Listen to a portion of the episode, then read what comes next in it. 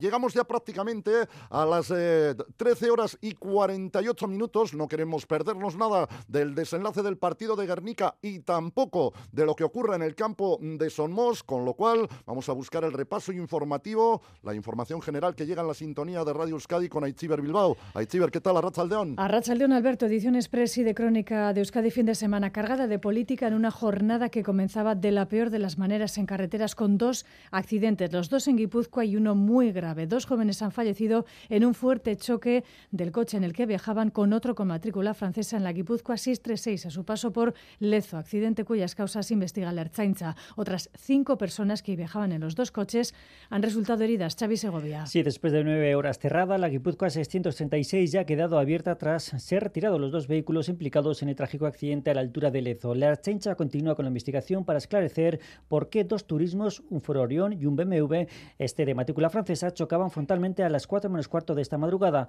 Como consecuencia del fuerte impacto, dos jóvenes de 20 y 22 años que viajaban en el Foro Orión perdían la vida y otras cinco personas resultaban heridas y evacuadas a los hospitales de Vidasoa y Donostia. Se desconocen las causas que provocaron este siniestro. Con estas dos nuevas muertes se eleva a 26 los fallecidos en las carreteras de Guipúzcoa en lo que va de año, la cifra más alta desde, desde hace ocho años, cuando se registraban 31 víctimas mortales. Gracias, Xavi. Vamos ahora sí con esa abultada crónica política de la jornada. El lunes era presentado en Madrid, hoy acto político en Bilbao, donde el Partido Socialista de Euskadi ha lanzado la candidatura de Eneco Andueza a la Lendakaricha, arropado por los consejeros socialistas, varios exsecretarios generales como Mendía López y el líder del PSC, Salvador Illa. El Andueza Lendakari también se ha oído en el Palacio de Euskalduna. Bajo el lema Aldatu Videa, cambiar el guion, Andueza ofrece ambición para ofrecer a los vascos y vascas un nuevo modelo frente a la monotonía y autocomplacencia de sus aún socios en el gobierno, el PNV, y la desmemoria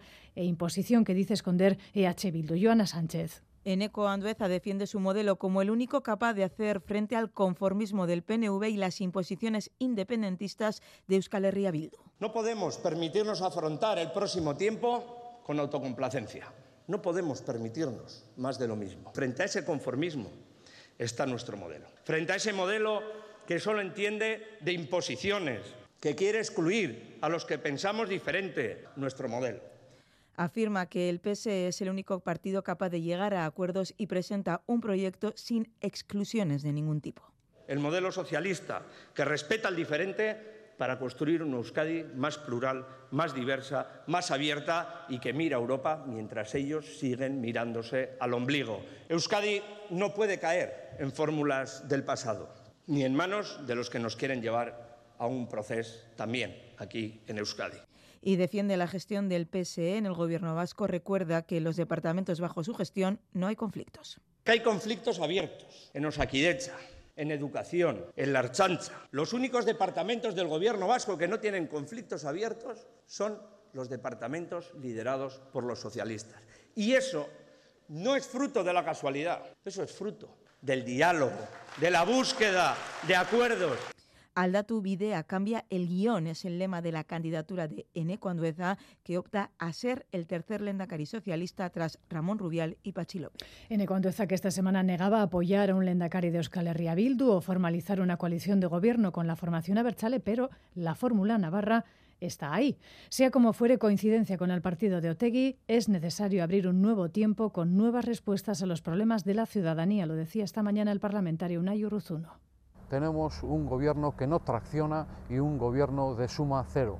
Por lo tanto, necesitamos cambio político, es tiempo para que las políticas públicas de este país se redireccionen en el sentido debido. Euskal Herria Bildu está comprometido con el cambio político que necesita este país y consideramos que una Euskal Herria Bildu cada vez más fuerte será la única garantía o la única alternativa para ello.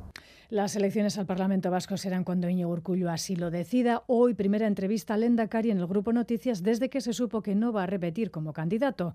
Respeta y asume la decisión de su partido de sustituirle por Imanol Pradales, pero reivindica que hasta que él mismo decida lidera un gobierno que sigue en marcha. Críticas a Euskal Herria Bildu por su presión inédita a un gobierno y enfado por el desmarque en educación. Urcullo revela que habló con Otegui de la Ley de Educación. Lier Puente.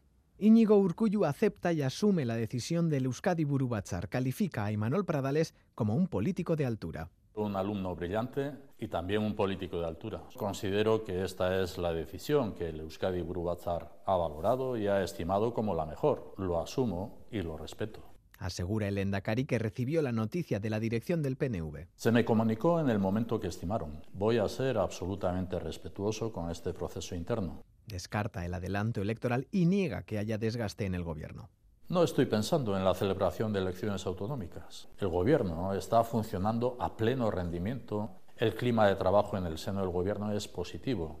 Urcuyu acusa a Euskal Herria Bildu de haber llevado una estrategia de confrontación política y sindical sin precedentes. Un ejemplo, la Ley Vasca de Educación. Euskal Herria Bildu ha preferido desmarcarse en el último momento, haciendo oídos sordos a todos los pronunciamientos en privado y público tras tantos meses de trabajo. No está justificado que Euskal Herria Bildu pase del sí al no por una cuestión que no corresponde a esta ley, sino a la ley del euskera.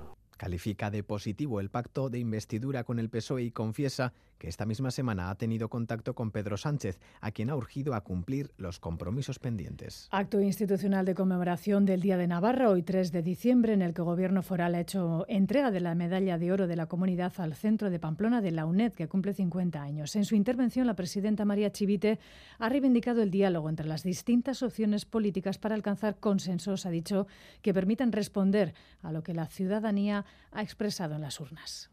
Quien demoniza el diálogo cuestiona la esencia de la democracia. Y en tiempos complejos tenemos que hablar más, escuchar mejor y bajar el tono para serenar el debate y acertar en las decisiones. Y es nuestra obligación de quienes estamos en las instituciones responder con propuestas, con diálogo y con acuerdos. Y el Partido Popular ha llevado su concentración por la Constitución y contra la ley de amnistía hoy en Madrid, muy cerca a la sede del Partido Socialista en la madrileña calle Ferraz, como saben, acosada con dureza semanas atrás en plena efervescencia por la ley de amnistía. Su presidente, Alberto Núñez Feijóo, ha remetido hoy contra Pedro Sánchez, contra su gobierno, por dejar, ha dicho, la relación entre España y una comunidad autónoma, Cataluña, en manos de un experto en guerrillas en relación a la reunión ayer entre los socialistas y Junts en Ginebra, Madrid, Miquel Arregui, Racha León. Caixo Arrachaldeón, según sus propias fuentes, el Partido Popular ha congregado a 15.000 personas en su acto de este mediodía en Madrid. Son muchas menos que en las anteriores movilizaciones convocadas por los populares en contra de la amnistía, aunque el tono empleado hoy por Alberto Núñez Fijó ha sido igual de duro. El presidente del PP no duda en calificar de bochornoso la reunión de ayer entre el PSOE y Junts, un encuentro que en su opinión supone una humillación más. Es un experto en guerrillas latinoamericanas la que nos tiene que decir cómo España trata a una de sus comunidades autónomas. Es una humillación. Feijo ha vuelto a acusar a Sánchez de mentir, de hacer el ridículo a nivel internacional y de intentar controlar a la justicia duras acusaciones a las que respondía desde Bilbao el primer secretario del PSC, Salvadorilla.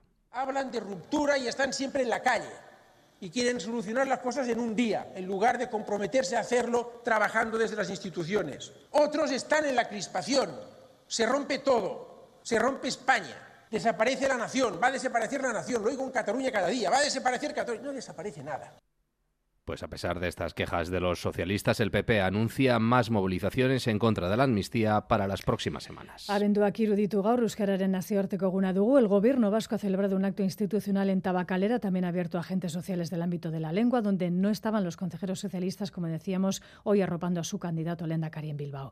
El Endacari Urcullo y el consejero de Cultura Supiría se referían a los retos a los que se enfrenta la lengua, un futuro que pasa por la educación y las nuevas tecnologías con el proyecto Gaitu, Aurken Iturrioz. Con la vista puesta en el futuro y con el reto de hacer presente el euskera también en el mundo digital, el Endacari subraya la importancia de la educación. Hezkuntza sistema izan da euskara bizi berritzeko izan dugun biderik eraginkorrena.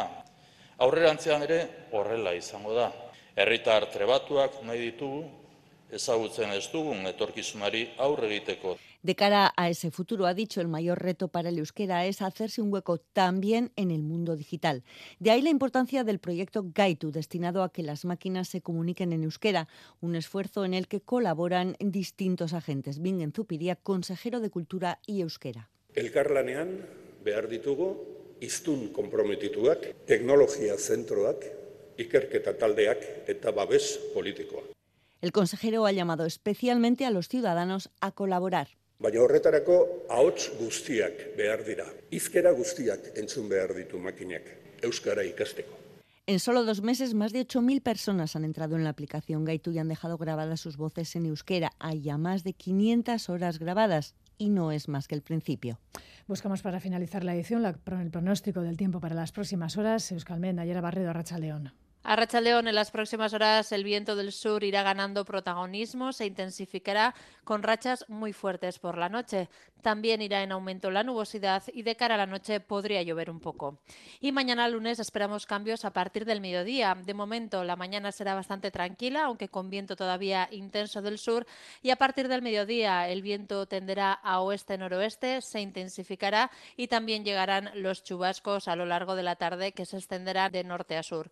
Por lo tanto, mañana comenzaremos el día con ambiente algo más templado que hoy, con viento del sur y por la tarde volverá la lluvia. Damos paso, Alberto, ahora a la reacción deportiva Racha León.